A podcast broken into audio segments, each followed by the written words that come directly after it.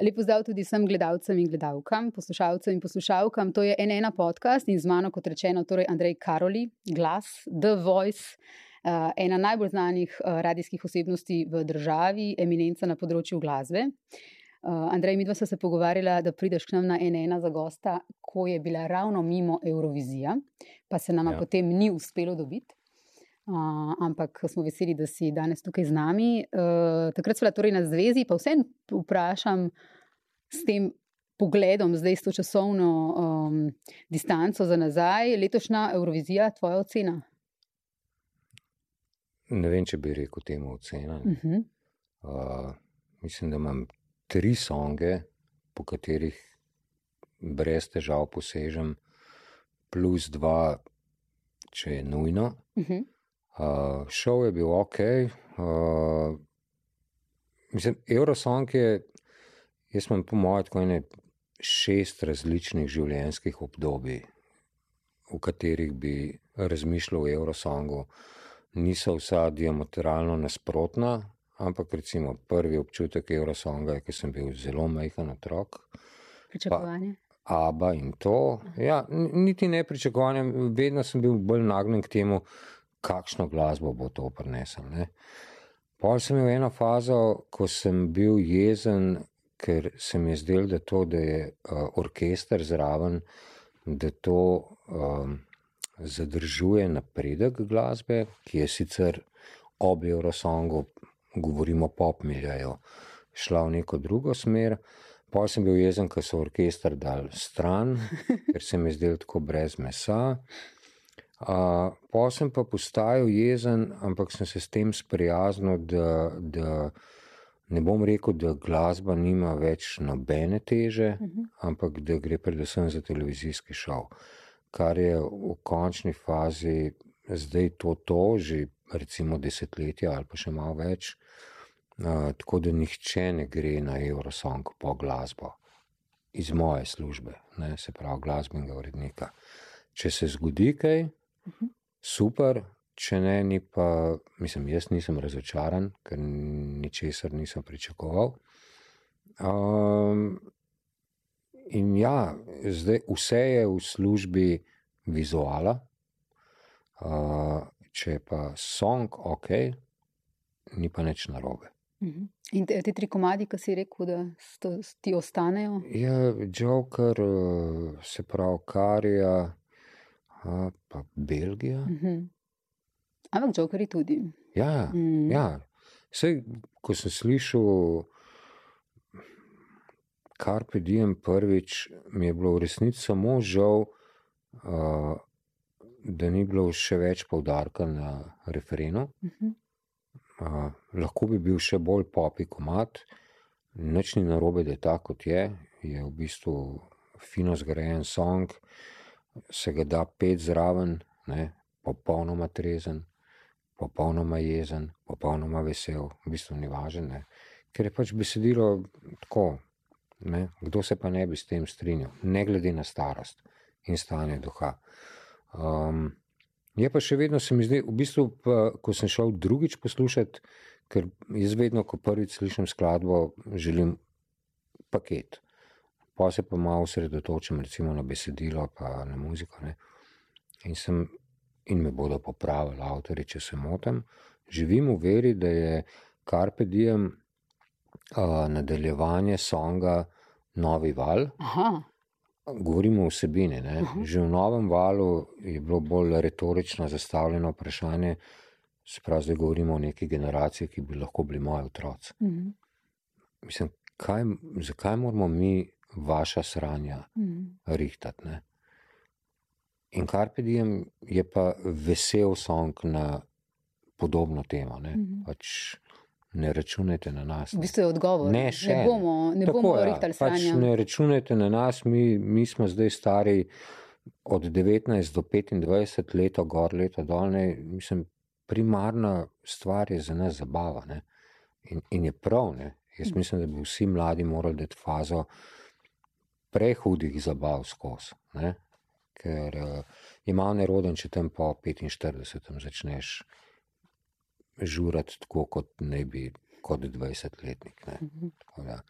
Ja, se pravi, Eurosong, tri večeri, kokice, televizija, gledaš, pač ne spremlja več, kot da bi delo prenose, pa to, uh mhm. -huh. ta del svoj sem oddelal pred leti. Uh, nikoli ne reci, nikoli več. Uh, tako da, ja, zdaj samo še zabavane. Mimo grede, prej smo se pogovarjali ne, zunaj, uh, z mojimi sodelavci. Uh, jutri ima en ena, drugo obletnico, tudi uh, Val 202. Ne? Ja, 16. juni je tisti dan iz leta 72, ko je val usklil. In ja, in 51 let kasneje se zdi, da smo še vedno tam, kjer smo vedno želeli biti. Ne govorim zdaj o nekih pozicijah glede poslušanosti in tega, ampak še vedno radio, kamor greš lahko po konkretne in korektne informacije, po fino muziko, po sproščenost, po resnost. V bistvu smo, se pravi, vsi kolegice in kolegi, ne, nek odraz realnosti, ki si jo želimo tudi komentirati. Povemo, kaj je prav, kaj je narobe. So neke osnovne stvari, pri katerih bi se morali absolutno vsi strinjati, da je prav in narobe. Uh mhm. -huh. Ne glede na, na tematiko. Ne. Uh, biti del javnega zavoda, ki ni na najboljšem glasu zaradi stvari, ki so. Radio je dober, radio je super. In uh, v imenu enega čestitam za to obletnico. Enako, hvala lepa. um, če greva zdaj na kakovost glave, spl, na, glasbe na splošno. Um, V glasbeni produkciji, kako bi ti rekel, v bistvu, kaj je kakovostna glasba, oziroma kako to sploh določiti? Jaz sem malo brala intervjuje s tabo, pa poslušala, kaj si v preteklosti govoril. Pogosto rečeš tako, to je nekaj, kar bi rad eh, eh, delil s poslušalci. Eh, skratka, ja. Veliko praviš, da je potrebno veliko poslušanja, ne? kilometrina, ogromna. Ampak kaj je še tisto, v bistvu, po čemer veš, da je nekaj kvalitetno, ali kako ne gledalec, poslušalec zve, da je nekaj kvalitetno? Prvi odziv, na, ne glede na to, kaj bom jaz zdaj rekel ne, uh mhm. -huh. o kvalitetni, dobri, damo še kakšen drug kvalifikator zraven glasbe, da so odzivi na to temo vedno uh, polni nekih emocij. Uh mhm. -huh. ne. Se pravi, če lahko ločimo všečnost in kvaliteto, potem se lahko začnemo pogovarjati. Ne. Ker meni je ogromno stvari všeč, uh, ki jih ne vrtim, uh mhm. -huh. in uh, malo manj stvari, ki mi ni všeč, ki mi niso všeč, pa jih vrtim. Uh, jaz še vedno sem mnenja, da glasba, če ne vzbudi čustev, je bila škoda časa in denarja v dobrem in slabem. Uh mhm. -huh. Zdaj, če govorimo o instrumentalni glasbi, ne, se pravi, so instrumenti tisti, ki naj bi vzbudili neko emocijo. Ne. In če ima to zdaj neko repeticijo, da se ponavlja in ti, ne, ti rata še ob tem, da se zavedaš, da je dobro narejen, sproduciran, odigran, uh, še neke emocije, kar je sam še češnja na smetanovi torti. Pri besedilih je pa tako, ne. Uh, jaz si ne želim govoriti o nekih zlatih letih, neke popevke, ker pač to so zlata leta. V resnici niti ne več za mojo generacijo, ne. se pravi, še za starejše. Uh, dejstvo je, da so takrat besedila pisali uh, A po naročilu, B izobraženi in izučeni ljudje za pisanje uh, poezije in v primerih tudi proze. Ne. Ko je glasba postala najbolj razširjen medij skozi desetletja, se vse več ljudi ukvarja z muziko na glasbeni strani in na besedilni strani. In niso vsi enako dobri. Uh, vesel song, ki je za zabavo, v resnici ne zahteva poezije. Uh mhm. -huh. Ampak abotnosti si pa ne zasluži. Uh mhm. -huh. Kaj je to, ne? verjetno vsak pri sebi lahko razlušči. Um, meni je fino, če, če, če skladba pove neko zgodbo, če je del neke širše zgodbe, da je ta sestavljena na albumu, super. Uh, tudi neke vokalize, tudi če ni izrečeno, če je samo nakazano, ne, kar se besedila tiče, uh, je fino in fajn.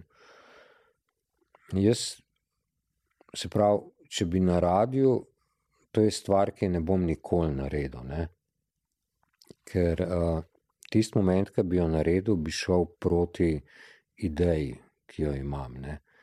Uh, rad bi naredil, pa nikoli ne bom naredil, oddaje, radi jih bomo pozabili. Uh mhm. -huh.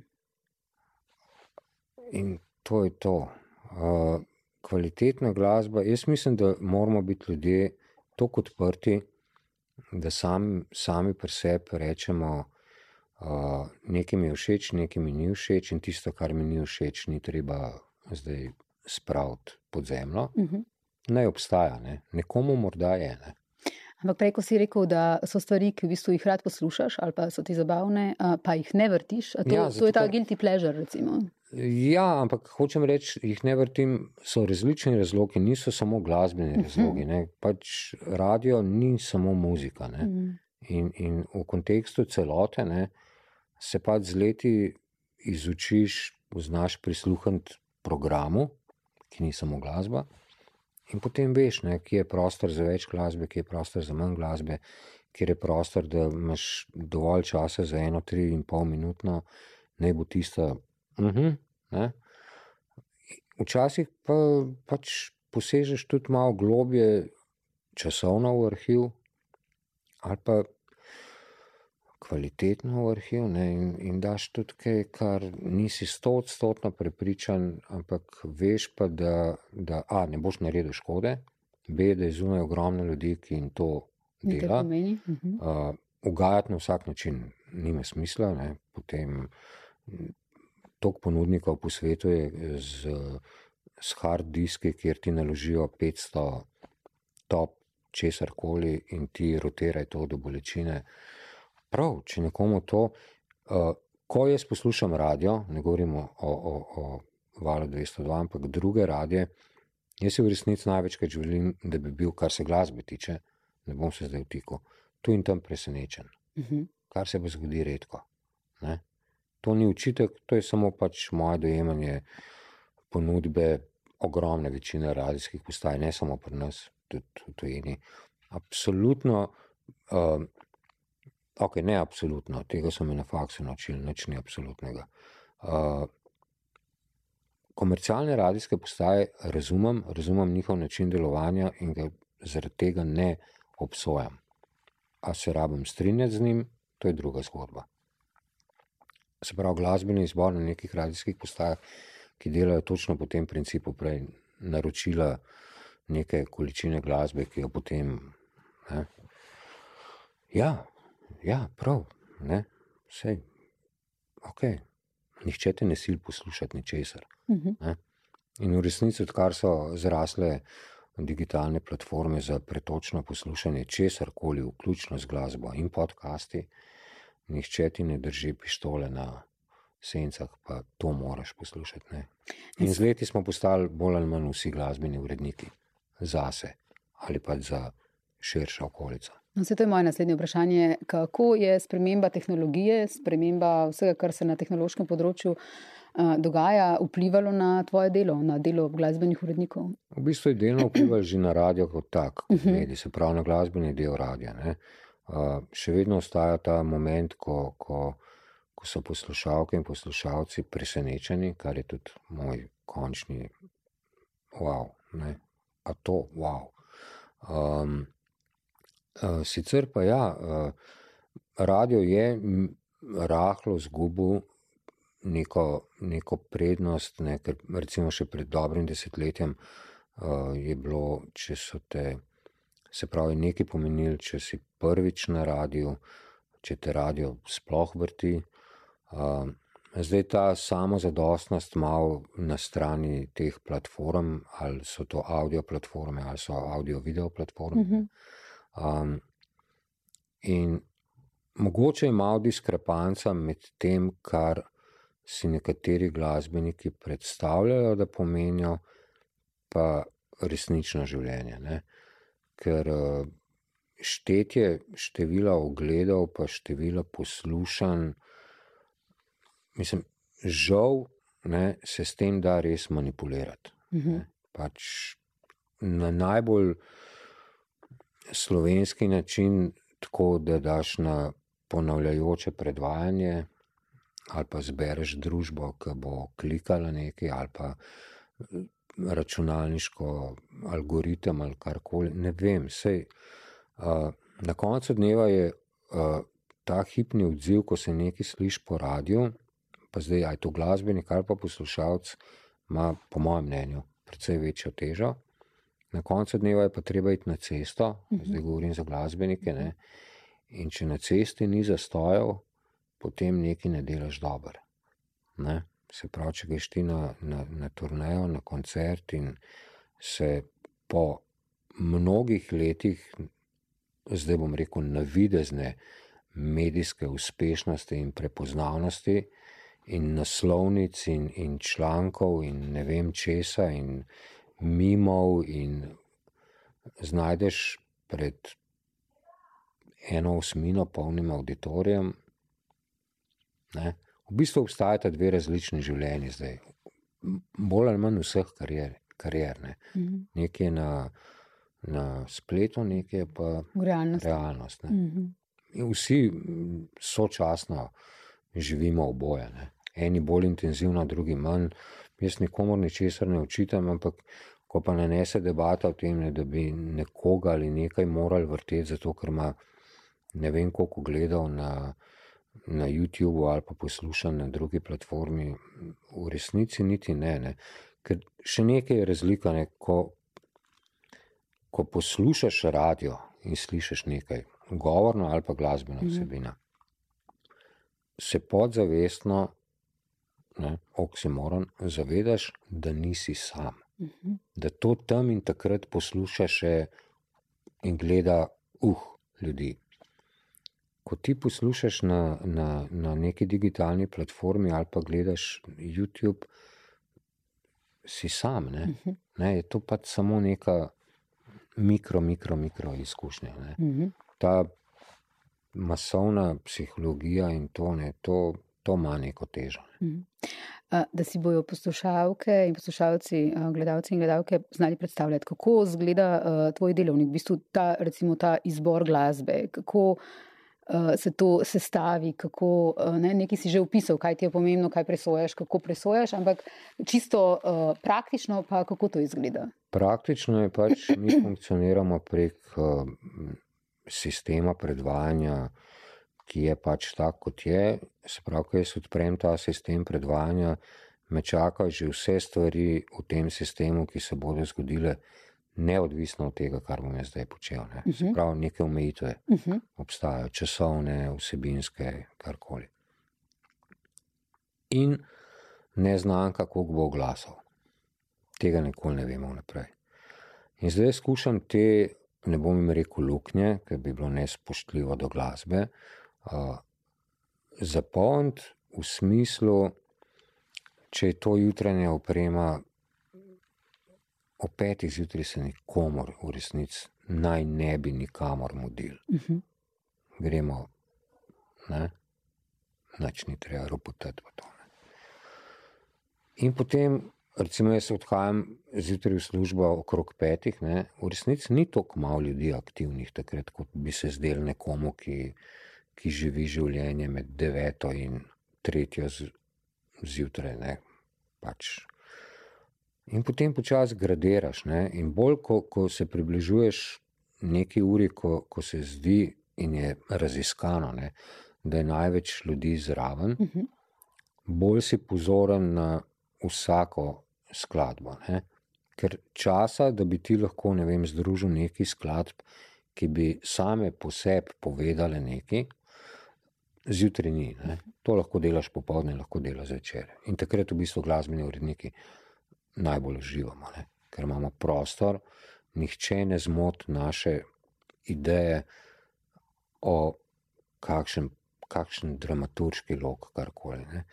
te, te radijsko uh, najbolj zanimivi za poslušalce, uh, časovna obdobja so zelo ne po koščkih. Uh, ampak ni pa razloga, da ne bi v sodelovanju z voditeljem uh -huh. dal skladbe, ki pa zelo štrli. In še vedno sem mnenja, da, da na radiju lahko zavrtiš karkoli, ampak moraš to nekako pripeljati oziroma odpeljati. Ne? V bistvu, ne da bi se komorkoli upravičeval, nekako pojasniti, zakaj je to tukaj, ker je očitno tako drugače od vsega, kar je bilo 15 minut prej, pa bo 15 minut kasneje. In to pojasniš kako? Z besedami, ne. Uh -huh. uh, lahko so čist neki meta podatki v tej skladbi, ki niso toliko javno znani, čeprav zdaj lahko vse izbrskaš. Ne. To lahko je neka mini zgodbica zadaj, lahko je to povezan s konkretnim datumom, karkoli se je zgodilo. Lahko je pa samo tok, ok, song, da lej, res si želim, da ga zdaj, ko je vem, 100 tisoč ljudi preklopljenih po raziskavah, ne, sliš 100 tisoč ljudi, nikomor ga ne usiljujem, nikomor ne, ne, ne, ne soliš pameti, to je dobro, to, to, to, to je dobro, to moraš tudi zdaj povedati, da je dobro, nekaj to je dobro, ker ne, ker 99 odstotkov ljudi jim je muzika samo všeč ali pa ni. Mm -hmm. Obstaja velika verjetnost, da, da nekomu tudi ni. Ne. Uh, in to je to, no, to so neki. Lahko so to zelo aktualne, aktualne muzike, zaslišiš nekaj novega, nekaj, kar se zdi, da bi lahko bilo. Ne, ni to še to, ampak daš, malo porinaš. Ne, ker, ker na valu, jaz sem vedno na valu hodil, ko sem bil mula, prej sem začel tam delati po, fiš, po frišno musko. Uh mhm. -huh. Jaz sem na valu vedno slišal nekaj, nekaj novega. Daleč od tega, da se je vse, kar se je zagovarjalo skozi leta, obdržalo in, in se zgodilo na način, kot so in smo in še predvidevamo. Ampak še vedno, wow, ne, presenečen, to fino. Lahko si, pres, mislim, lahko si presenečen s 50 let starim songom. Ne. Istem, presenečenje je presenečenje. Ne je, ne, in v večini primerov je super, ne, lahko je tudi. Zakaj? Ne, tako da, ja, te, te hipni momenti. Delo je pa, ja, računalniško, uno, da, da, da, da naložiti, paziti, da, da je vse polno in, in, in da ima nek smisel, se pravi, da, da glasba funkcionira v okviru programa. Ne, mm. pač ne moreš. Ne, ne. Nismo zelo omejeni, ampak kako smo omejeni znotraj tega, fino je vedeti, česa ne. Mm -hmm. ne. Zato, ker se potem ne ukvarja s tem, ne razmišljaš, da bi zdaj dal to, da bi dal zdaj šest minut, pa pol dolg song, ker mislim, res je dober song. Ne, ker ne. ni prostora. Ne. Mm -hmm. ne. Si ga včasih vzamemo uh mhm. -huh. in je prav, da se ga, ampak večinoma pa ne gre tako. Ne. Uh -huh. Uh, kako pa zgodovinska obdobja ali pa zgodovinski čas vpliva na glasbo in obratno, kako glasba vpliva na nek uh, duh uh, časa? Mislim, jaz ne bi rad razočaral nikogar v resnici, sploh pa ne otrok cvetja. Ampak noben glasbenik še ni spremenil sveta ne, na način, kot je obljubljal skozi songe.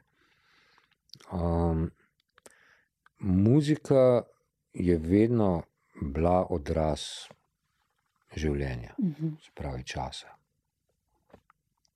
Uh, in je vedno, mislim, zdaj govorim o ne nujno o aktivistični glasbi, ne, ampak je vedno replicirala na nekaj. Ne. Uh mhm. -huh. ko, ko, ko je glasbenik ugotovil, da je nekaj res narobe, je to skušal v glasbi to besediti. In, da, da, da, da. in to so ljudje ponovadi, ampak res vzeli in ampak ne, gre naprej. Uh, glasba nima tako velikega vpliva na okolje in družbo, kot je obratno. Uh, glasba se vedno, v večini primerov, odzove na nekaj. Ne? In je v osnovi kritična, ne? ker, ker če, če glasba želi uh, glorificirati nekaj ali nekoga, nažalost, v veliki večini izpade tako zelo pocen. Kič. Kič, z petih kilometrov veš, da, da ni iskreno, morda je celo naročeno, Mhm. karkoli. ne. Um, tako da, mislim, Slovenija je, če ostanem samo doma, recimo življenje v Sloveniji je ustvarilo zelo močno hip-hop, rap, trap sceno. Ker zaradi zgodovine te kulture, ker hip-hop ni samo muzika, ampak je še milijon drugih stvari, ki je vedno bila v osnovi opisovalna, kar hkrati skoraj pomeni, da je bila tudi kritična. Ne? Slovenija je, se pravi, vso, vsi smo homo politicus na nek način od določene starosti naprej. Um, Slovenija je z načinom, kako raste, naredila močno in dobro hip-hop sceno. Ne? Mhm. In, in rep in trep in vsi odkloni levo in desno. S trepom si niso ravno na ti, ker količina besedil, ki, če jih jaz ne razumem, ne pomeni, da ne delajo. Ne? Ampak nekih pa res nima smisla. No? Mhm. Uh, in takih jaz navad, Ne uvrščaš. Niti ne, da ne uvrščam, ampak niso v prvih treh predalih. No. Mhm.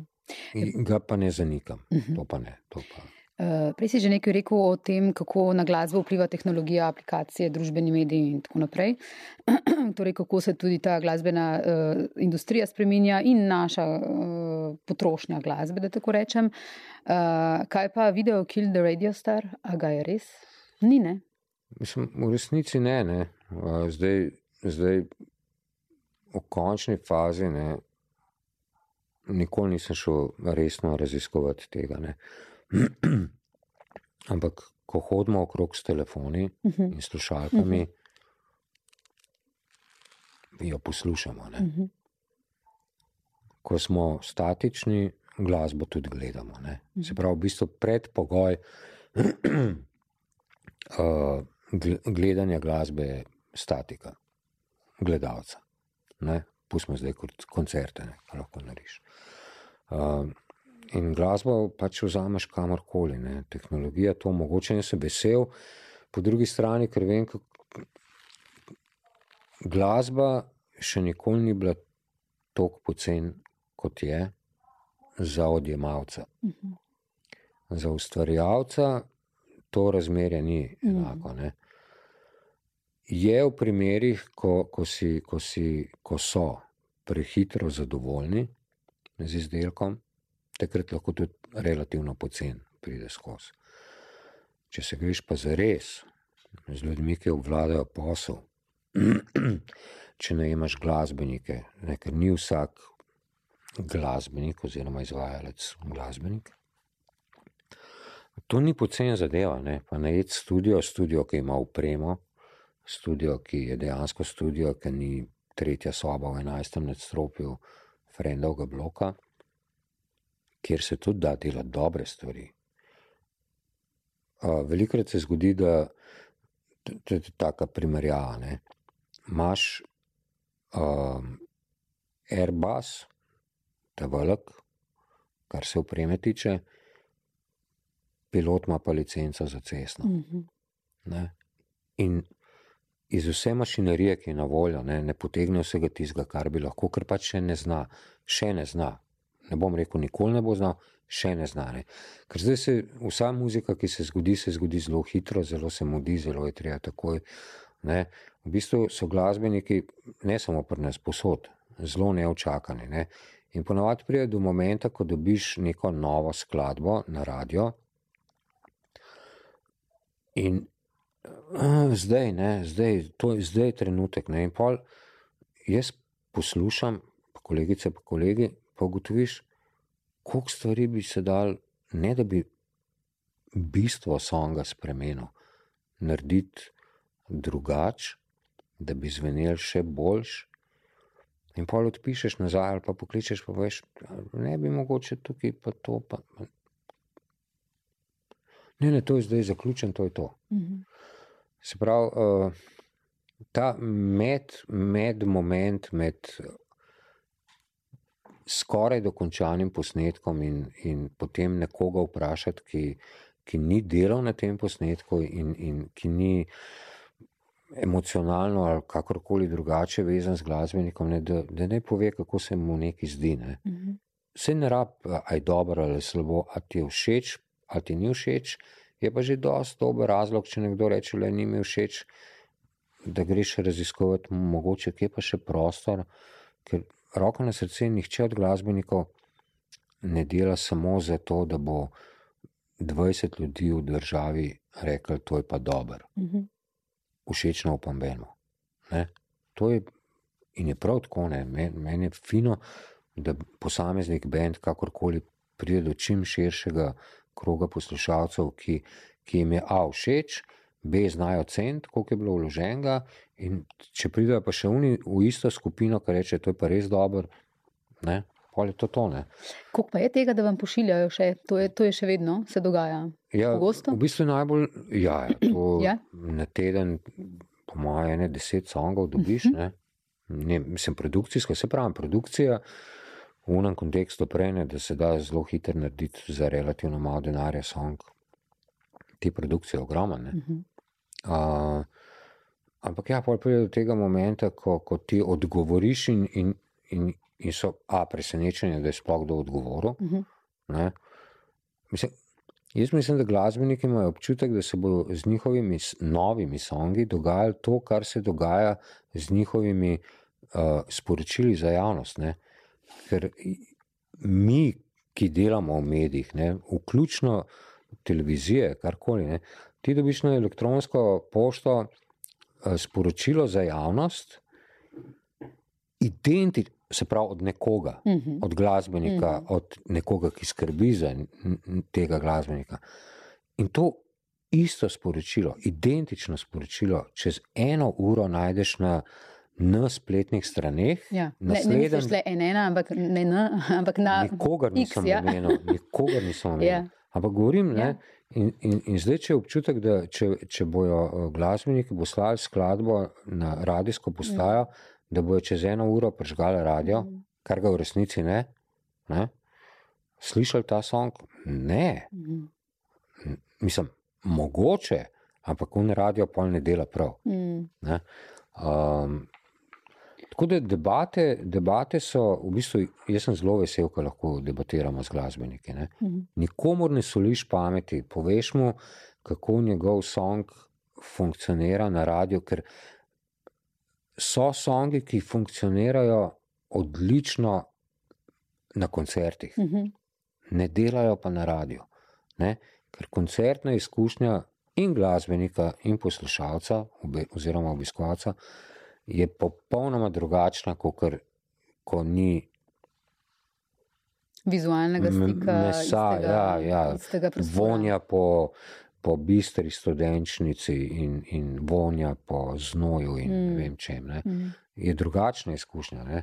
In, in to, ne, da, da glede na to, da živimo tako dimenzionalno, ne, uh, sem največkrat, ampak to že pri uveljavljenih izvajalkah in izvajalcih, bendih, solistih, rahlo razočaran, da po vsem tem času naredijo eno, večina njih, ne mhm. vsi. Mm -hmm eno in enako različico songa za katerkoli medij. Se pravi, da je enak song, ki bo video, da je enak song, ki bo za radio, da je enak song, ki bo na albumu, če bo album, in da je enak song oziroma aranžma tega songa uh, naučen tudi za na koncert. Mm -hmm. Ker toliko možnosti, da lahko ne, različnim, ne, ker če se rahlo ne prilagodiš, ne, bo temu primeren tudi odziv. Ne. Mhm. Žal. 202 je še vedno radio, nima, ki nima težav s tako imenovanimi album treki. Se pravi, skladbami, ki niso nikoli mogoče celo bile namenjene, da bi bile tako imenovane male ploščice oziroma singli ali karkoli, niso samo stoječi komadi, so deli zgodb. Ne, tako da se tudi zato mi tako različne muzike rolamo. Ne. Če bi bili mi radio, ki, ki vrti samo uradne single, bi bila količina različne glasbe 70 odstotkov manjša. Ne? Ampak mi na leto zavrtimo 20 tisoč plus različnih songov. Song, ki se vrti največkrat, ne preseže številke 120 do 150. Uh -huh. Recimo, da je to tri minute dolg song. Uh -huh. Val oddaja, ker imamo nočni skupaj z RSI-jem, 19 ur na dan, 60 odstotkov je muske. Zdaj pa teh 120 krat 3 minute, pa vse te ure, ki sem jih ravno kromenil, se pravi, to ni načne. Če imaš pa, če imaš pa radijsko postajo, ki, ki rotira par sto songov, recimo na kvartal, prideš pa ti tudi do cifr, ko se en song zavrti tisoč pluskrat. Mm. A je zdaj to dejanski prikaz, ne?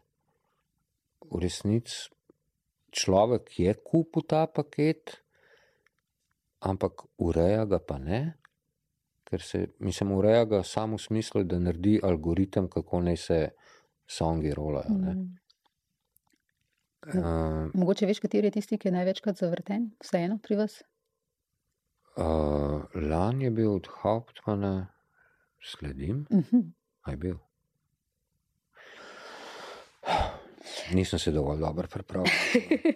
ne, ne, tem, statistike in te stvari, uh, prav da so, uh, ampak v resnici nič ne pomeni. Ne?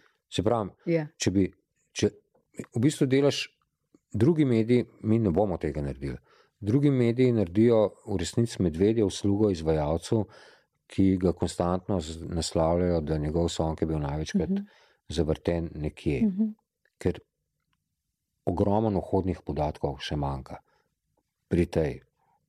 Pri takšnem naslavljanju. Uh, in potem ratajo določeni glasbeniki, ljubljenčki določenih medijev, čeprav v resnici niso, ne?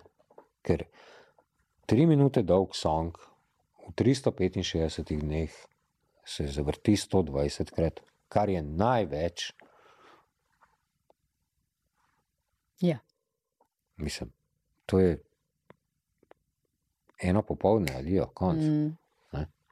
Ej, eh, leta 2010 eh, si med drugim dejal, ko že govoriva o promociji, recimo Brez bendov.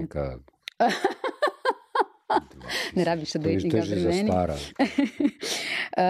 Včasih kontaktiram izvajalce neposredno, povem, kdo sem eh, in da sem zainteresiran. To ribarjenje ni tako uspešno, kot bi človek mislil. Očitno obstaja kategorija glasbenikov, ki so čisto zadovoljni, če obstajajo samo na spletu. Zakaj se niti ne sprašujem, če v roku enega tedna ne dobim nikakršnega odgovora, domnevam, da so čisto srečni tam, kjer so. Eh, žal mi je, jaz bi jih z veseljem vrtel.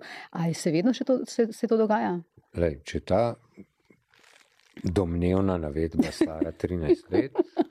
Uh, ja, še vedno, se, jaz ne zanikam tega obstoja, ki si ga ravno kar omenila. Ja. To seveda obstaja. Ja. Uh, in ker delam na tradicionalnem mediju, ne, uh, še vedno, jaz imam otroka, ki sta digitalna. Ne, in ona dva, ne tu in tam, pa sem radijski človek, ne, posežeta po radiju, uh mhm. -huh. v resnici pa ne, ne. Sploh pa ne zaradi muske. Uh mhm. -huh. Se pravi, vsa ta digitalna, nekoč morda subkultura, je že postala kultura. Uh mhm. -huh. Ampak jaz mislim, da, da, da manjka ta ključni moment uh, skupnosti. Ne? In je zanimiv, recimo, po mojem, pred 20 leti ali pa 25 leti, človeka, ki je bil na špilu od. Ok, ne bom šel tako nazaj, ker bi rad z nekim bendom postavil primer. Pred 15 leti, predvidevam, ni bilo človeka, ki bi ga v četrtek videl na špilu Sidarte v klubu, v petek pa na veselici v Cerklah na Gorenskem. Generacija, ki sem jo prej omenil, se zaradi nobenega razloga ne obremenjuje s tem. Če jim je nekaj všeč, bojo šli na oboje, pa ni nujno muzika tista, ki je, ki je glavni imenovalec za to, da so na obeh zadevah. Uh mhm. -huh. Je predvsem ta komunity, tako podruženje. Ne? In to je tisti pravi moment, ki mi še vedno da upanje, da ne bo vse ostalo samo na ničlah, pa na enkah. Uh -huh. uh, da dejansko hodijo ven, hodijo na koncerte, hodijo poslušati. So mogoče malo bolj uh, na zihar, v navednicah, v smislu, da ne bojo šli, in pač tudi tukaj še ekonomski faktor zraven, da ne bojo šli na slepo na, na kakšen koncert samo zato, ker so radovedni. Ne? V bistvu je predragojiti poslušati nekaj, kar. Po drugi strani imaš pa mož, vse možnosti na svetu, da preveriš, kaj greš poslušati. Um, tako da jaz ne, na kakšnem špilu grem na špil zaradi benda D, mhm. pa me B pa A odpihneta. Mhm. Takrat sem najbolj vesel. Kako pogosto te pa še kaj odpihne? Zdaj, ne, kar se koncerta tiče, niti ne, ampak 14 dni nazaj sem dobil na mail en komat, ki sem sam napisal nazaj. Wow. Kaj pa je to? A, v bistvu je bend, upam, da bom prav rekel, Runner, uh mhm. -huh. oziroma se napiše R-A-N-R. Naslov songa je French Love Connection in je v angleščini. In s tem sem tudi že v bistvu razčistil preseb. In ima tak, tak, kot bi oni rekli, tak lep flow, uh mhm. -huh. tako lepo teče, res malo je nostalgičen, ampak ne za njih, razen če so šli raziskovati zgodovino. Mene pa zvok songa spominja na, na 80-ta, ampak ne največji hiti 80-ih, ampak nekega, tako je res fajn, tako da sem pravno. In zdaj, če se vrnem, uh mhm. -huh. da je song v angleščini. Na valu ne bomo nikogar zavrnili, zato ker je song v angleščini. Uh, in tudi če sta še naslednja dva songa v angleščini. Um, Mama pa pol ponovadi z bendi, ki delajo fino muziko, ali pa z izvajalci, ki imajo delajo fino muziko, se pa dobimo in se pogovorimo na temo, če se zavedajo, koliko en še, če pa že več pomenta tukaj. Ne? Se pravi, ni edini primer, ampak morda je najbolj očiten primer. Jaz ne vem, koliko slovenskega občinstva pozna diskografijo zasedbe Fat Horses, mhm. preden so začeli, mhm. preden so posneli komat, ti ne poznaš konjev. Mhm. In potem vse komade, potem, ki so bili v slovenščini. Ne. Predtem je bilo toliko dobrih komadov v angleščini. Ampak je nekaj, ne, ne govorimo zdaj o nekem trkanju na prsa, slovenecem ali nekaj. Je drugačna izkušnja za oboje, se pravi za, za ponudnika v primeru benda in odjemalca v primeru poslušalca, sploh uživo na koncertih, ko ti lahko nekaj poješ, ne da bi rabo razmišljati prej, pol, vmes, a vem točno, kaj pojem. Ne? Se pravi, če nekaj doživljaš v maternem jeziku, ima neko večjo težo. Ne. Pa še drugo je, ne, pa to ni le noba radicev ali pa glasbenih urednikov ali pa voditeljev.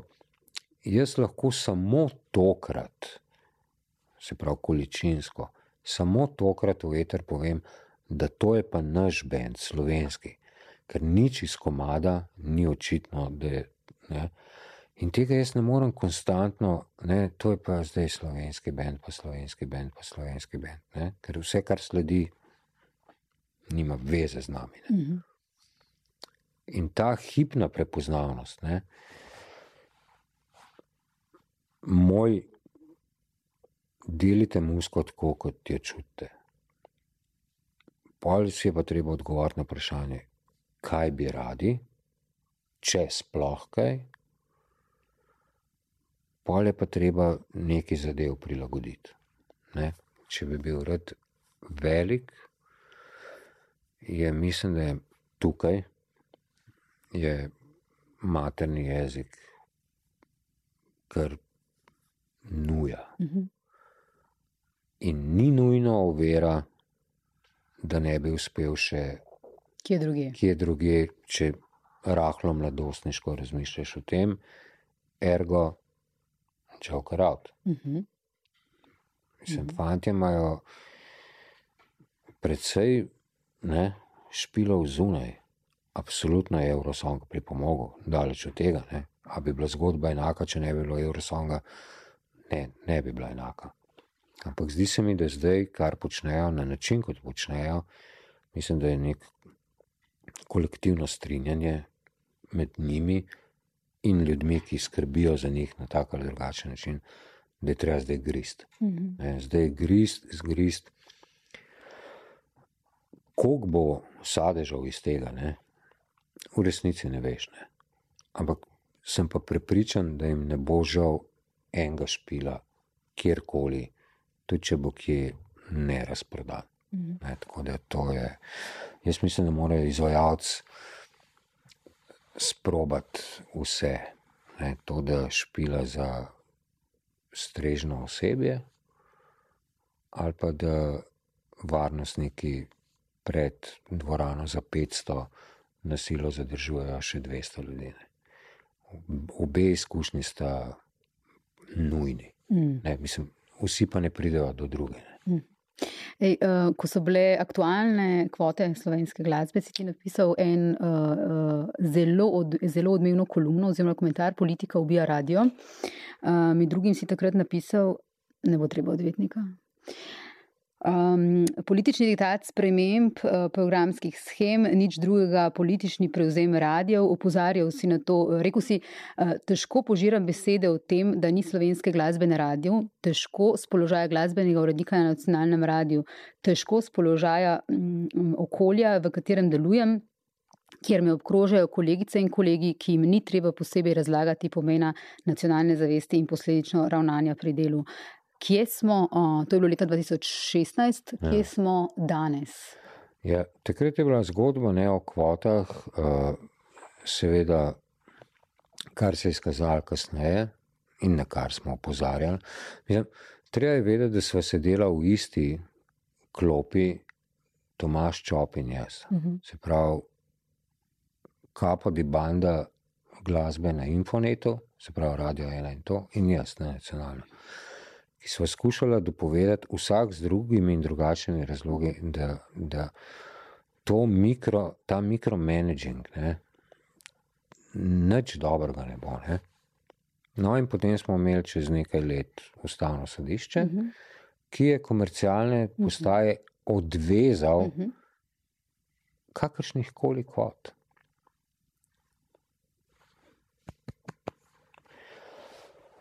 A, in zdaj smo tam, da recimo IPF, ne, ena izmed kolektivnih organizacij, vsako leto objavlja uh, sezname največkrat predvajanih skladb, ki imajo zadaj tudi cel kup statistike o koliko različnih komadov, koliko različnih izvajalcev.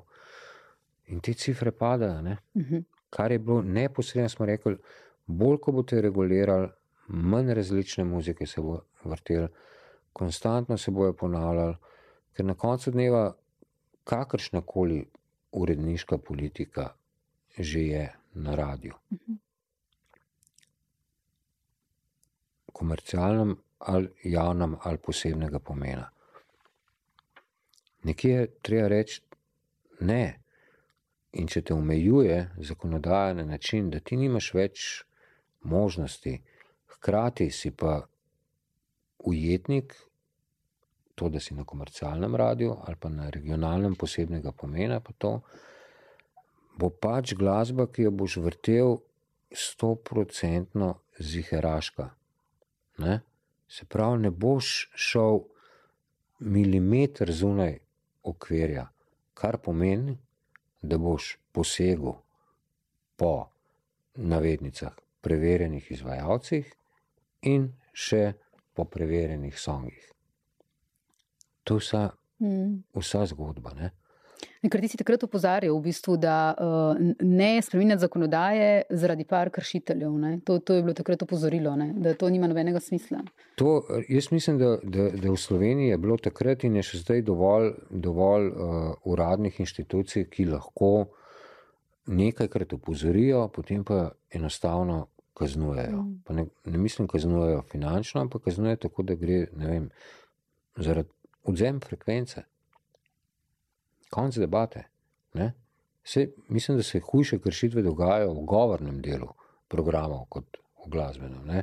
pa v tem nihče ne debatira. Ne? Mm. Še nekaj, moj takratni odgovorni urednik in zdajšnji direktor Radia Slovenija. Ko, ko so na drugi strani nas poslušali ljudje, ki v resnici ne vejo. Ne? In to zdaj ni očitek, da, rekel, da so vsi politiki ne vejo nič o ničemer, daleč od tega. Eni imajo to odgovornost, da, da imajo osebje, ki jim lahko pripravijo, da je gor dol. Ampak to je, ko se govori o kvotah, se vedno izhaja iz nekega stališča, ki je pa zelo politično stališče, ne? da če si ti proti kvotah, si proti nečemu slovenskemu. Mm. A lahko ne, prosim. Mm. Ne? In moj takratni odgovorni urednik in zdajšnji direktor je rekel, Mi, mi zdaj tukaj debatiramo o 5, 10, 15, 20 uh, procentih, uh, 60 odstotkov programa o slovenskem jeziku. Rekel, v katerem jeziku pa mi govorimo? Mm. Mislim, koliko je slovenščine? Vse je, razen tistih 40 oziroma 60 odstotkov od 60 odstotkov. Mislim, te matematične, to je, to je grozen. Jaz pravim, da, da lahko narediš izjemno čudovito glasbeno opremo samo iz domačih komadov. Lahko ni problem. Ampak ta diverziteta jezikovna in vse, mislim, to je tisto, kar kar, kar je. Jaz, jaz upam, da v doglednem času, se pravi, glede na vso tehnologijo, ki je, ampak to je hkrati zdaj povezano spet še vedno aktualno zakonodajo, ki, ki omejuje dobesedno ne, uh, nacionalni radio. Jaz mislim, se pravi, stroškovno gledano, ekonomsko gledano, ni tako drag projekt, da bi Radio Slovenija imel Pa zdaj se bom naslonil na 202, z odličnim spoštovanjem do Arsa, do prvega, do Maribora, Kopra, Kapodistreja in vseh. Ampak zakaj ne bi imeli mi digital 202 blues, 202 rock, 202 karkoli? Uh mhm. -huh. Mi to relativno hitro lahko sproduciramo, ampak ne s kvoto 40 odstotkov domače muzike. hkrati govorimo o 24-urnih formatih, uh -huh, razumem, ja. non-stop. Uh -huh. to, to, ljudje si težko predstavljajo, koliko ene muske je. Uh, mislim, koliko enega časa je 24 ur v povezavi z glasbo. In, in z veseljem, in te digitalni glasbeni formati, koliko še več glasbe, ki sicer zaradi strukture FM programa ne pride na vrsto, pa daleč od tega, da si ne zasluži, mm. bi imel tam še prostora. In to ne govorimo zdaj o nacionalni frekvenci, govorimo o globalni frekvenci, govorimo o digital, se pravi RTV platforma 365. Greš tja, in čem 202 pop, rock, 202 slo, zakaj pa ne? -hmm. Ampak še vedno se pa znotraj vseh teh programov treba držati neke, neke dinamike življenja, za katerega primarno oddajaš, ampak ne tako striktno. Ne. Se pravi, na teh digital mogoče ne rabiš toliko razmišljati o jutranji konici, o popoldanski konici, o ne vem, če imaš uh, predvsej več bolj časa. Daš ljudem vedeti, kakšna je schema teh programov, javno objavljeno, ne vem, od, od 6 zjutraj do 8 zjutraj bomo vrteli. Tako z veseljem se ne boste še enkoli tuširali, kot se boste. Karkoli, ne. Pač prodaš neko, neko, neko idejo in imaš tam prostora za, za vse muzike. Mm -hmm. Ampak težko je to dobro narediti stok. Uh, a bi bil problem narediti nacionalni FM program, kjer bi se vrtela izključno slovenska glasba? Ne. Zla, ne bom rekel z lahkoto, se pravi, premišljeno in to. Ampak bi jo bilo treba to isto frekvenco uh, razmejiti. Uh mhm. -huh. Sicer bi, bi prišel hiter, oziroma po mojem mnenju, prehitro do nekih ponavljanj. Ne? Se pravi, bi moral vedeti, da ker bi to kljub vsemu delovalo znotraj javnega zavoda, ampak hkrati bilo podrejeno nekim tržnim pravilnostim, ne? bi še vedno v, v, v, za poslušalca in oglaševalca najbolj zanimive termine uvrščal najmanj eksplicitno muziko. Ne? Ker ni v, v nikogaršnem interesu, predvsem ne v, v investitorjevemu in oglaševalčevemu, če je rejting nikakršen. Mm. Ker potem najprej izgubiš oglaševalca, ki za nacionalni oziroma javni servis ne, ne bi bil najpomembnejši vir zaslužka uh, je pa dobršen del zaslužka, ne, roko na srce, tega ne, ne zanikam. Uh, in jaz mislim, da lahko bi bilo, ne, ampak bi bilo precej, precej boljše, če nas zakonodaja ne bi, ne bi omejevala. To je moje osebno mnenje, to ni mnenje javnega zavoda RTV Slovenija. Uh, tako. um, glasba me je že večkrat rešila, mi je rekel nekoč v intervjuju za NN, uh, Drago Ivanuša. Absolutno verjamem. Ja, on je takrat pripovedoval o tem, v bistvu, kako mu je pomagala, kdaj že prej v življenju, pa tudi med to boleznijo, ja. o kateri smo tudi govorili. Uh, Esada Babačiča sem imela pred časom tukaj, pred 14 dnevi, uh, iz njegovih besed se da razbrati, da je njega v bistvu pank rešil na nek način uh, v življenju. Če ostanemo samo pri glasbi, jaz nisem bil nikoli v življenju v takšni situaciji, da bi me morala glasba reševati. Uh mhm. -huh. Ampak mi je glasba vedno, vedno je bila um, ne nujno varen pristan, uh mhm. -huh. ampak kot pravijo moji otroci, go to. Uh mhm. -huh. Se pravi, greš tja, kjer veš, da obstaja največja možnost, da se ne bo zgodil nič slabega. Varnost. Torej. Var, varnost, v bistvu prijetnost, uh mhm. -huh. ne varnost. Domačnost. Tudi, čeprav jaz grem kdaj po domačnost v, v vrt, kjer raste sadje, ki ga še v življenju nisem videl. Uh mhm. -huh. Ampak tisto, kar pravim, da sem najbolj vesel, ker sem presenečen, obstaja možnost, da je tam med unimi sadeži. Uh mhm. -huh. In grem za to po musko. Uh, tokrat, kot imam glasbo, karkoli je, uh, imam na trenutke red tudi tišino. Ne. Mhm. Doma ne špila muzika. Ne. Non-stop. Ne. V bistvu zelo malo.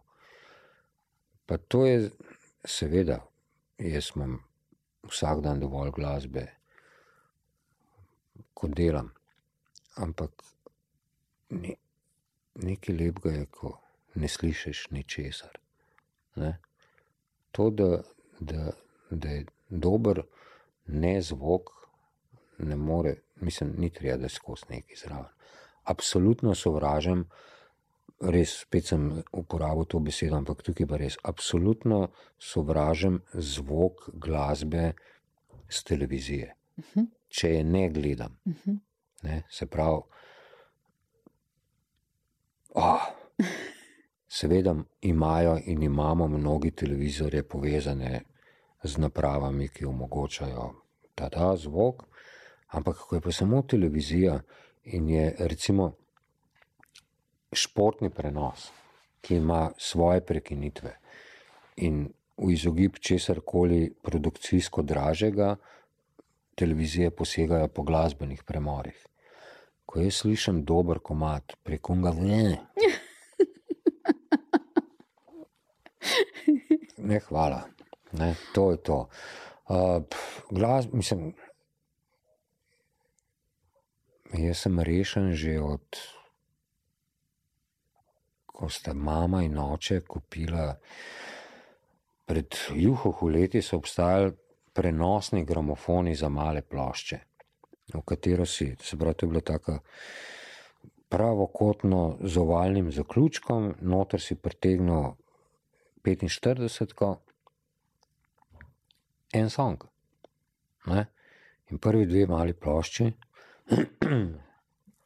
sta bili uh, Malajka, uh -huh. uh, Ljubka Dimitrovska, pa Ivica Šerfezi, pa Patrik Ramon, Ramaja, dva, uno, noč in dan, songa. In Ramaja je žgal čez dan, Malajka pa, ki so šla z bratom zvečer spat. In ta gramofon pred desetletjem je imel že funkcijo še. Aha. in si ga lahko navil na, na, na, na nekajkrat. Moja tretjič, ki je Ivica rekel, malajka, so z bratom že spali. In od takrat naprej uh, sem želel, takrat tiste je bilo in še 10, 15, 20 let obdobje, ko, ko je bila muska omniprezentna, uh -huh. vse čas, skozi. Tudi v šoli, kar so dokazovali v kori pred izključitvijo. Ne, to resno. Ali... Hkrati pa šolski radio, Aha. pa, pa, pa DJ-janje, pa vse. Pa to, ja. uh, re, Rekl si že, brala sem od desetega leta, intenzivno se ukvarjaš z ja. muziko, poslušaš, ja. potem si bil DJ. Ne? Uh, blok parti so sledili. Ne? V bistvu so bili najprej blok parti. Najprej blok parti. Potem pa DJ. Uh. -huh. Ti blok parti so bili vse drugo, kot so blok parti, ki jih katera koli generacija znava prek bolj ali manj ameriških filmov. Okay, kako pa je izgledalo to v Ljubljani? To je bilo tako, uh, v Mostah, v Ljubljani. Smo imeli, uh, se pravi, zunanjega vhoda v stolpnico, uh -huh. uh, se pravi, ena je bil vhod gor, druga je bil pa glavni vhod v klet, uh -huh. oziroma v kleti. No, in ta prva soba v teh kleteh je bila tako 4x5, zdaj je kolesarnica. In tja noter je sosed Dejan, Dejan on the mic, okay. uh, privlekel fršterkerijo, pa zvočnike, imel tako izjemno velike hrastove zvočnike. Pa smo šli k sosedi Matej s podaljškom, ker ni bilo štroma dol, da je očeta prepričala, da če nam daš štrom. In smo se bolj ali manj zabavali, mularija, brez omejitev, od 3 do 19, uh -huh. vsi smo bili lahko skupaj, iz Tolpence. In potem, ker smo imeli vsi neke znance, prijatelje, sošolce iz drugih koncev, ne, se je to kar začelo. Mislim, to je bilo. Mislim, če, ne, če, ne bi, če ne bi v dveh, treh letih se rašli zaradi življenja, bi morali, po mojem, stopnino. Ne, in to bi bila lahko oranka stopnina. Ne. Ker to so naenkrat vrhali šiške ljudje, kako no, pa ti. Ja, ne, sem slišal, da tukaj. In to je bilo vedno ob nedeljah, ono matineja. Ob nedeljah? Ja, ja nedelje, ja. Uh mhm. -huh. ja. Sobota, nedelja, ono pet do osem, ker pa je od Mateja fotor rekel, sam izklopil podaljšek in je bilo konc. Ne. Ja, tam so bili prvi stiskalci, vse je bilo tam. In pa je dejan začel delati kot DJ. In pol je on rabo, oziroma je želel imeti kakšen dan fraj, pa jaz sem tam skozi raven visel, pa sem jaz ga nadomeščal. Pa tako no, mislim. In pol, pol je bil, pol sem prišel, pol je bilo potrebno, srednja šola, gor dol, tam smo tudi neki šolski radio, pa že v osnovni šoli. Pol sem šel v vojsko. In te prvič, ko sem šel na, na dopust iz vojske, se pravi, ne vem, jaz sem šel v septembru v vojsko in januarja, mislim, da sem te prvič lahko šel za par dni domov. Sem prišel domov, se preoblekel in sem šel turista. Ker v Surdolici, majhni srpski vasi, v kateri sem služil vojaški rok, izbor glasbe je bil neverjeten. Aha. Mm -hmm. Nič od tistega nisem želel nikoli več v življenju Aha. slišati. Čeprav zdaj cenim za nazaj. Glede, ne. Tako da sem sam hotel priti nekam, kjer, kjer bo DJ zavrtel karkoli normalnega. Ne. Mhm. Ampak to je to, kar smo prej govorili, verjetno to vračanje k nek, k nek, nek Ja. kaj si rekel, pristan? Si rekel pristan? Ja, se pravi, jaz v resnici z glasbo nimam, v povezavi z glasbo nimam slabega spomina, Uh -huh. vsi so lepi. Mhm. Po mojem je to zaradi tega. no. Uh -huh. Uh, doma, doma moja dva nista imela nikoli nič pri tem, da smo brat pa jaz skakala po najni sobi s lesenimi danlopovimi loparji in rokarol. Edini enkrat, enkrat so pa v bistvu, tisti dan bi lahko trije naenkrat umrli, dva od strahu, en je pa že umrl. Ne. Bil je 4. maj 1980, ko je mama uletela, mi so poslušali musko na glas in In je mama vletela v sobo in je tako odprla, bilo je pokosilo. Je rekla, fotor je umrl. In pol pride ven in fotor seveda sedi v kuhinji, bere cajtank, ne, na televiziji pa Tomaš Terček pove, da je Tito umrl. To je edina slaba izkušnja, v smislu, da ne bom očeta zgubil. Fotor je še vedno z nami, da. Okay. Pozdrav očetu. Je. Je in mami. Aha. Um, to, to, o čemer zdaj govoriva, to, eh, kar nam recimo glasba eh, včasih da, pa je težko opisljivo. To, ko poslušamo glasbo, pa nas eh, v hipu vrne nekam, nas prestavi ali nam. Ja. Uh, recimo, Ivanuša mi je takrat tudi rekel, ne, pogovarjali smo se o tem, da je to včasih kot te Magdalenice. Ne, da uh, pravi on, glasba, uh, kateri se vedno znova vračamo, ima to funkcijo kot stare fotografije, te odpelje nekam. Ne, ali pa recimo dementni ljudje, uh, če sem spet gledal te posnetke, ne, ko jim zavrtijo v bistvu glasbo iz njihovega. To so ljudje, ki so v bistvu izgubili vsak stik, že uh, komunikacijo ja. z svoj, svojci in jih na novo poveže v bistvu glasba, ki jim jo dajo poslušati. Uh, razsvetlijo se jim obrazi, vidi se, da jih priplavijo neki spomini. In, uh, Ja, ampak to je zato, ker so pač te zvoki, uh -huh, ne, to je zdaj laično mnenje, ja, daleč od tega, da bi bil kakšen strokovnjak na to temo. Ne. Ampak te zvoki sicer že otopelim možganom, Ja. bolnim možganom, karkoli. Ne. ja. V nekem hipu jih vrnejo v neki lepega. Se pravi, ti lepi zvoki, Mhm. oziroma ti zvoki so, to sem prepričan, povezani z nečem lepim iz njihovega tako. življenja. Ne, Ja. ne to, nujno glasba sama po sebi. -huh. ne. Ampak tisto, kar je bilo povezano takrat s tem Tako. doživljanjem, Prav glasba je samo tisti mediji, trigger. trigger, ja. karkoli, stranski vhod v možgane, mislim, Tako, da je nekdo ja. rekel. Ja. Tako da jaz, če zdaj slišim nek, nek song uh, iz ne vem, začetka 80-ih, pa ga nisem slišal že ne vem koliko dolg časa. Pri, Ja. ja. me, pri meni je še drug moment, ja, ok, da so lepi spomini in vse jim fajn, ampak jaz sem- sem no, po treh minutah pa pol zgrožen v resnici, ne, ker uh, ne vem na pamet telefonske od mame in očeta, Ja. znam pa na pamet Besedila. cel besedil 40 let starega komada. Ne? Pač možgani so čudni.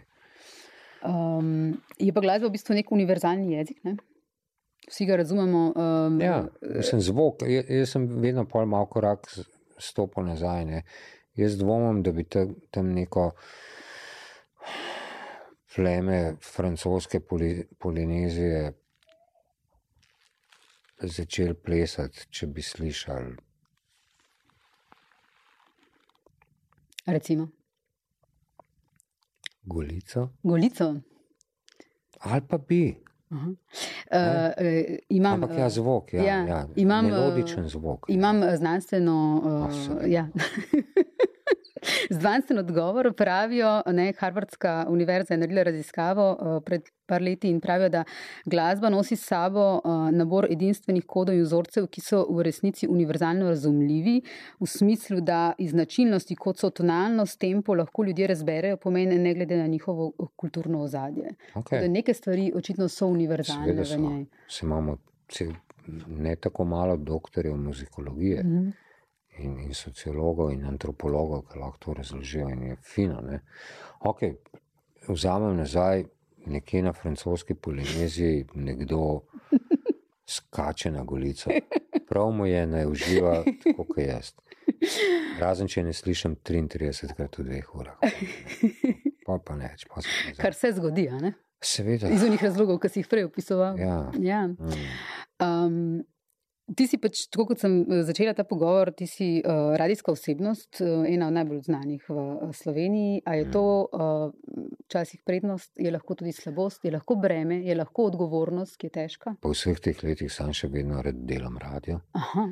Um, jaz nimam vpliva in si ga v resnici ne želim imeti na to, kako mene drugi posredniki predstavljajo drugim javnostim. Um, kar se tiče hipnega odziva, recimo na svoje delo, ki ga dobim, ko sem na radiju, imam pač ločem nekaj. Nekaj, kar nekdo pokliče in je hudo jezen. -huh. Po vseh teh letih veš, da ni samo zaradi tega, kar si ravno kar rekel, ali pa to, ampak se je nalagal pač je nekaj katarzičnega v tem, da ti pokličeš na radio in steraš v kozi rok nekoga. Ne. Uh, Andreja Karoli. Samo še pika na i, a sem jaz tam ali pa kdorkoli. Uh -huh. um, isto je z ljudmi, ki pohvalijo, še vedno je neka predzgodba vmes. Ne. Mislim, predzgodba pred tem klicem. Pole pa zdaj, ker največ odzivov hipnih, takšnih in drugačnih se dogaja pač digitalno, ne? je pa tako. Ne? Uh, vsi anonimni troli, ki se bojo spoznali, kje je moja kamera. Uh, nekdo, ki pa karkoli napiše, pa je z, očitno za tem, vse tudi za, za unimi troli so ljudje. Ampak Jaz zelo rad debatiram z ljudmi, ki, ki, ki, ki so artikulirani. In dejansko jaz ne rabim zmagati, mislim, nihče ne rabi zmagati na koncu. Ne? Ampak, če ti nekdo artikulirano pove, da ima A, mogoče drugačno mnenje, najprej se mora na začetku oba dva strinjati, da govorijo samo o dveh mnenjih. Ne? Jaz lahko na radiju govorim in posredujem dejstva. Ne? Hkrati pa, ko komentiraš nekaj, ne, ta komentar je pač srč komentarja, je mnenje nekoga o nečem, tudi o nekaterih dejstvih. Ne, ampak večina ljudi pa samo reagira in potem so mnenja, mnenja, mnenja. Ko se mnenja začnejo kregati z dejstvi, adijo. Mhm. Ne, Ni, mislim, adijo. Če pa lahko dva artikulirana ali pa več njih artikulirano debatirajo o, o o neki zadevi, na katero imajo različne poglede, ergo mnenja. Ja, ne? tako so se podcasti rodili. Na to nismo skregali. Ja, mislim, a, a, a, a je kje kakšen podcast, ki, Da se skregajo. mislim, kregajo se, Ja. ne? oziroma so glasno artikulirani, ampak nihče pa nikogar ne pošlje v kozi rok. Ja, jaz imam Ne včasih vem. tukaj Luko Likasija, Gabrielčiča, pa Tadeja Troho, ki Okej. okay. imata zelo različne poglede na politiko in eh, debatirata včasih zelo, zelo sta spoštljiva en do drugega, moram reči. Se pravi, jaz, jaz, sem, jaz sem zelo vesel, ko lahko, mislim, res, tudi če na koncu izgubim, Ja. to res ni bil stran vržen čas. Mm. Jaz tudi mislim, da debata, uh, istočnica debate z nikogaršne strani ne sme biti, da boš nekoga spreobrnil. Ne?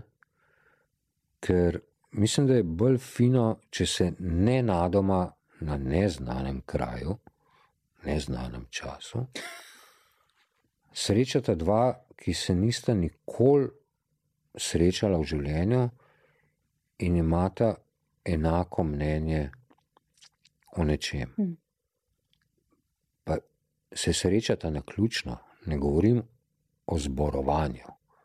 Ne? Na zborovanjih imajo vsi enako mnenje, eni pa še bolj enako mnenje. In prav je, ne? jaz bom vedno zagovarjal pravico vsakogar, da pove svoje mnenje. Ampak to je samo mnenje. Ne, ne bom pa, ne rabim se pa strinjati z njim. Hmm.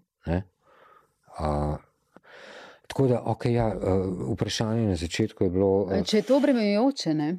Ne. Biti ta osebnost, nekdo, ki. Uh... V resnici mi nikoli ni zgodilo nič slabega. Uh mhm. -huh. Enkrat sem imel opravka s pismom, ki ga nisem do konca odprl in sem ga nesel na kriminalistično policijo. Enkrat sem imel opravka z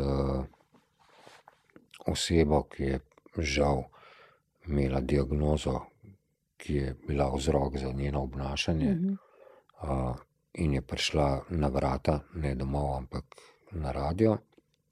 Um, ne vem, ta zadnja izkušnja tega, da, da sem znan ali karkoli, se je zgodila pred tednom dni na, na, na počivališču na mednarodnem prehodu Šentil, ko so šla hčerko gledati Rikija Džervejsa. In je prišel en avto, ki je tako čuden zvok. In sem pogledal in sem videl, da je postojnska registracija. In ko sta prišla iz avta, ne mlad, ampak mlajši par, sem jaz tako pač očitno slovenca.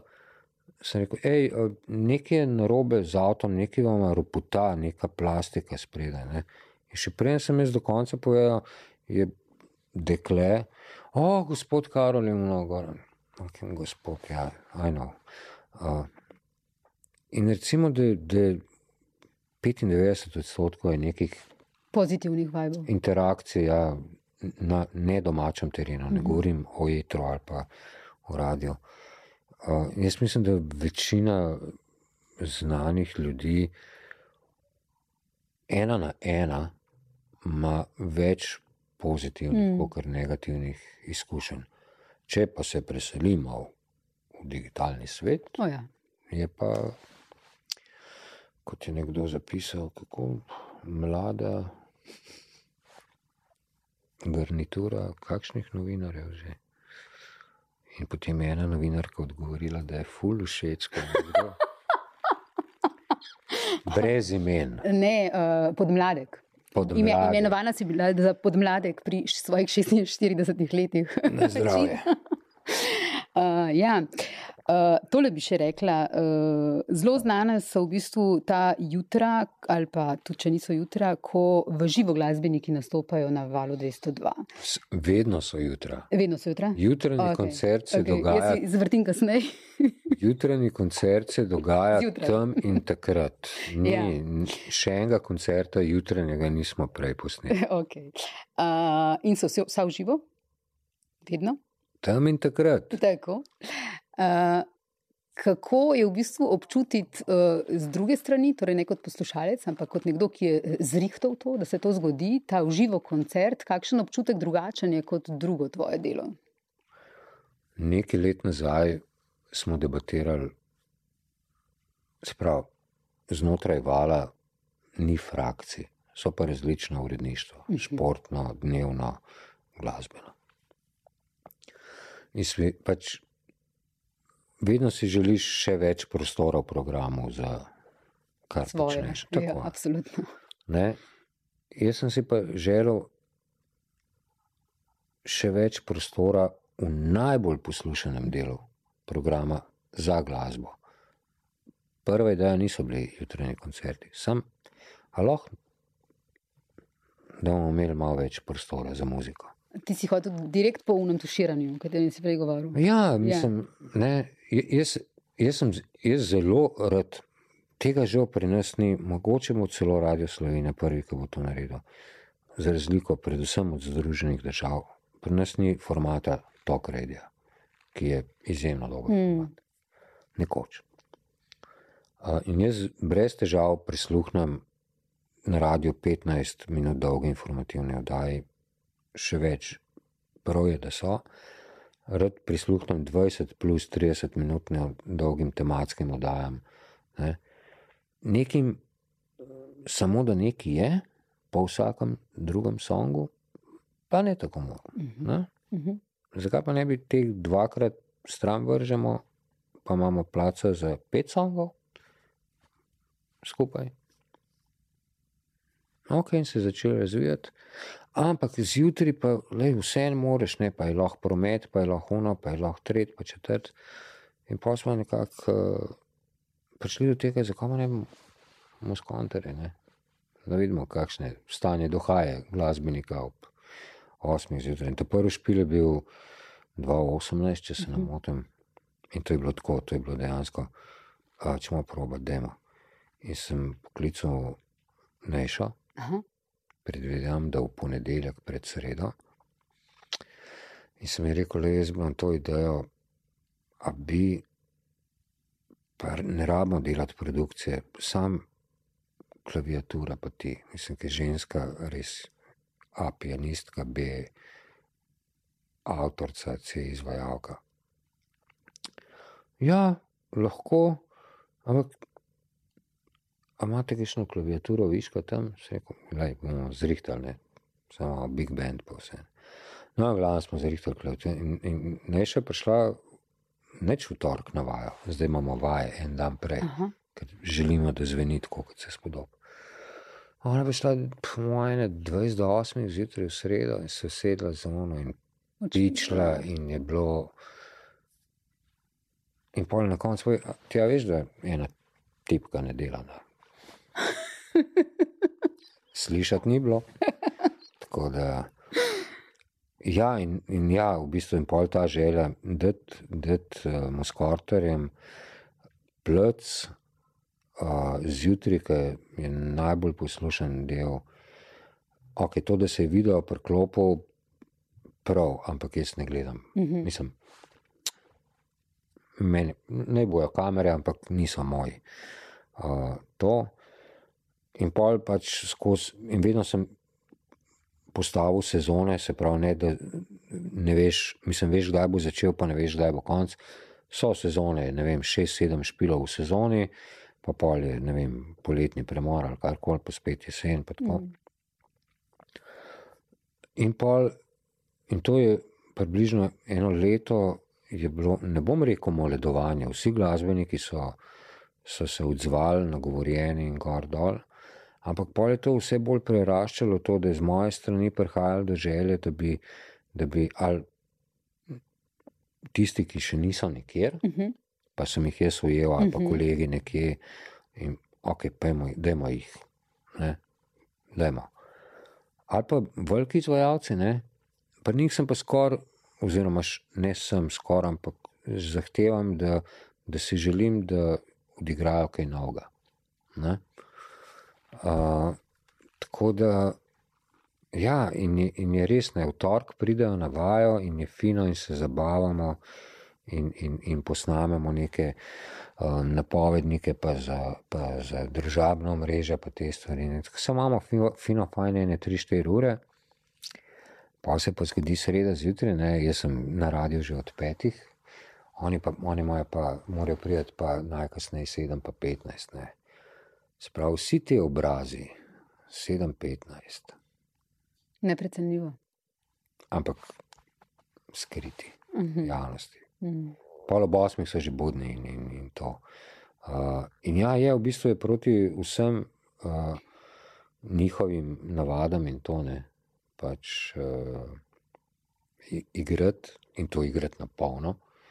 tako zgodaj, ampak sem vesel, da pride samo en trenutno ostaja neizpolnjena želja. In Aja. ne bom ga. Ne, Ne, ne bom ga imenoval.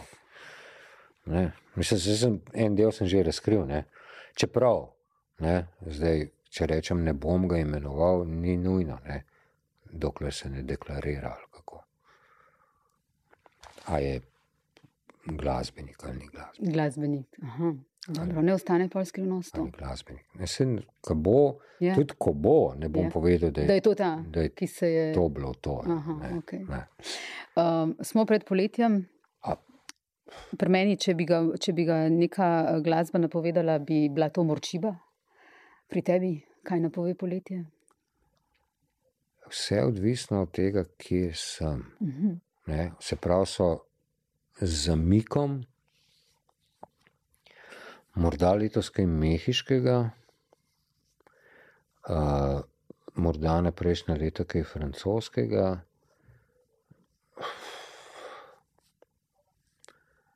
Ja, klape ne, no. Pa imam, Ja, pa imam ja. rad ja. klapsko petje. Navdušen nad klapskim petjem je Džiboni, Okay. oziroma njegov oče, ki je to raziskoval. Um, ampak vse, kar se prodaja za klape v zadnjih desetih letih, Niso klape. to je to. Uh -huh. Uh, V zvezi s poletjem bi te še za festivale vprašala, ja, ker smo v obdobju festivalov, a ti kam greš, kako jih doživljaš? nimam, nimam plana za letos nobenega festivala.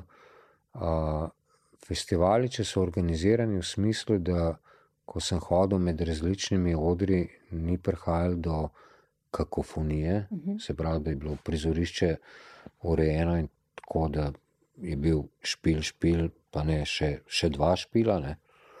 Uh, ja, uh, drugače pa v resnici uh, razumem in jih podpiram, domače in tuje, so optimalna, idealna možnost, da nekdo na kupu vidi predvsej tistih, ki se jih želi videti, za predvsej manj denarja, kot če bi hodil, hodil na posamezne koncerte. Masa ne tako zelo mi ni všeč, če je to 50, 60, 100 tisoč ljudi. Um, plus tega, ne, razen ta največjih fontov na plakatu, nihče ne špila celega koncerta. Uh -huh. Kar se mi pa zdi, da je zelo, zelo, vsaj zaradi svojega dela, ne, zelo, zelo pomemben, da, da če že grem na koncert od nekoga, da dobim vse. Ne, ne samo festivalu prirejeno minutažo, ki je ponavadi, ker je festival in ker je zelo raznolika in ne ciljna publika v obe smeri, mm. sestavljen iz nekih preverjenih songov. Uh, tako da, ok, festivali, kul, cool, predvsem zaradi obiskovalcev, ker dobijo na kupu velik. Če si pa malo bolj zahteven, pa mogoče niti ne. No. Um, festival, najboljši festival v Lifeu. Ja, Pivo in svet je prvo po koronsko. resno? Ja, mislim, to oh, v resnici res ne jaz, ne vsi, ki delajo produkcijo radijsko, seveda pa še bendi, nismo zavedali, koliko smo pogrešali to. Mm. Kako, mislim, pa takrat so bile še pravila, ne? ampak neko, nekaj, mislim, so bile omejitve, pa to zelo štoraste. Ampak se prvo spomnim, pa ni, pa, za- zasedbe pa tako ne. Nipka je pripel bend, wow. Ne? Mislim, Nipka je meni kul. Cool. Nisem pa vedel, da uživo funkcionira do takrat s takim bendom. Mislim, to je bilo fanka na manjka, to je bilo res dobro. ne rabe biti vsi songi, ne vem kva, ampak to, kako je to zvenelo. Pa so bili šankrok, so bili akustični in je bilo uno, pač doma so bili tako rekočne. Pa so bili tribute to love oziroma hamo, ti si bil, wow, res. Ampak ne govorim zdaj sam zato, ker nas ni bilo. Res so, toliko so si želeli vsi imenovani. Mm. Tok biti tam, špilati in še to dobro špilati. Tako da so res, po moje, vadili vsi našteti. In pa še Bigfoot mama, tudi akustična izvedba. Ja, ne. Re, mislim, res bil najboljši festival v Lajpu. Okay. Uh, Andrej Karoli, hvala lepa za gostovanje, hvala, da si bil moj gost, da si prišel na NN. Z veseljem. Kaj bi zdaj zavrtel za konc? Gari za DJ, Fateless. Oh. Okay. Tega pa lahko dve uri. Tega pa lahko dve uri. O, ja. Okay. Ne vem, kakšno stanje duha je, ampak ja. Dober. Lahko. Hvala. Prosim.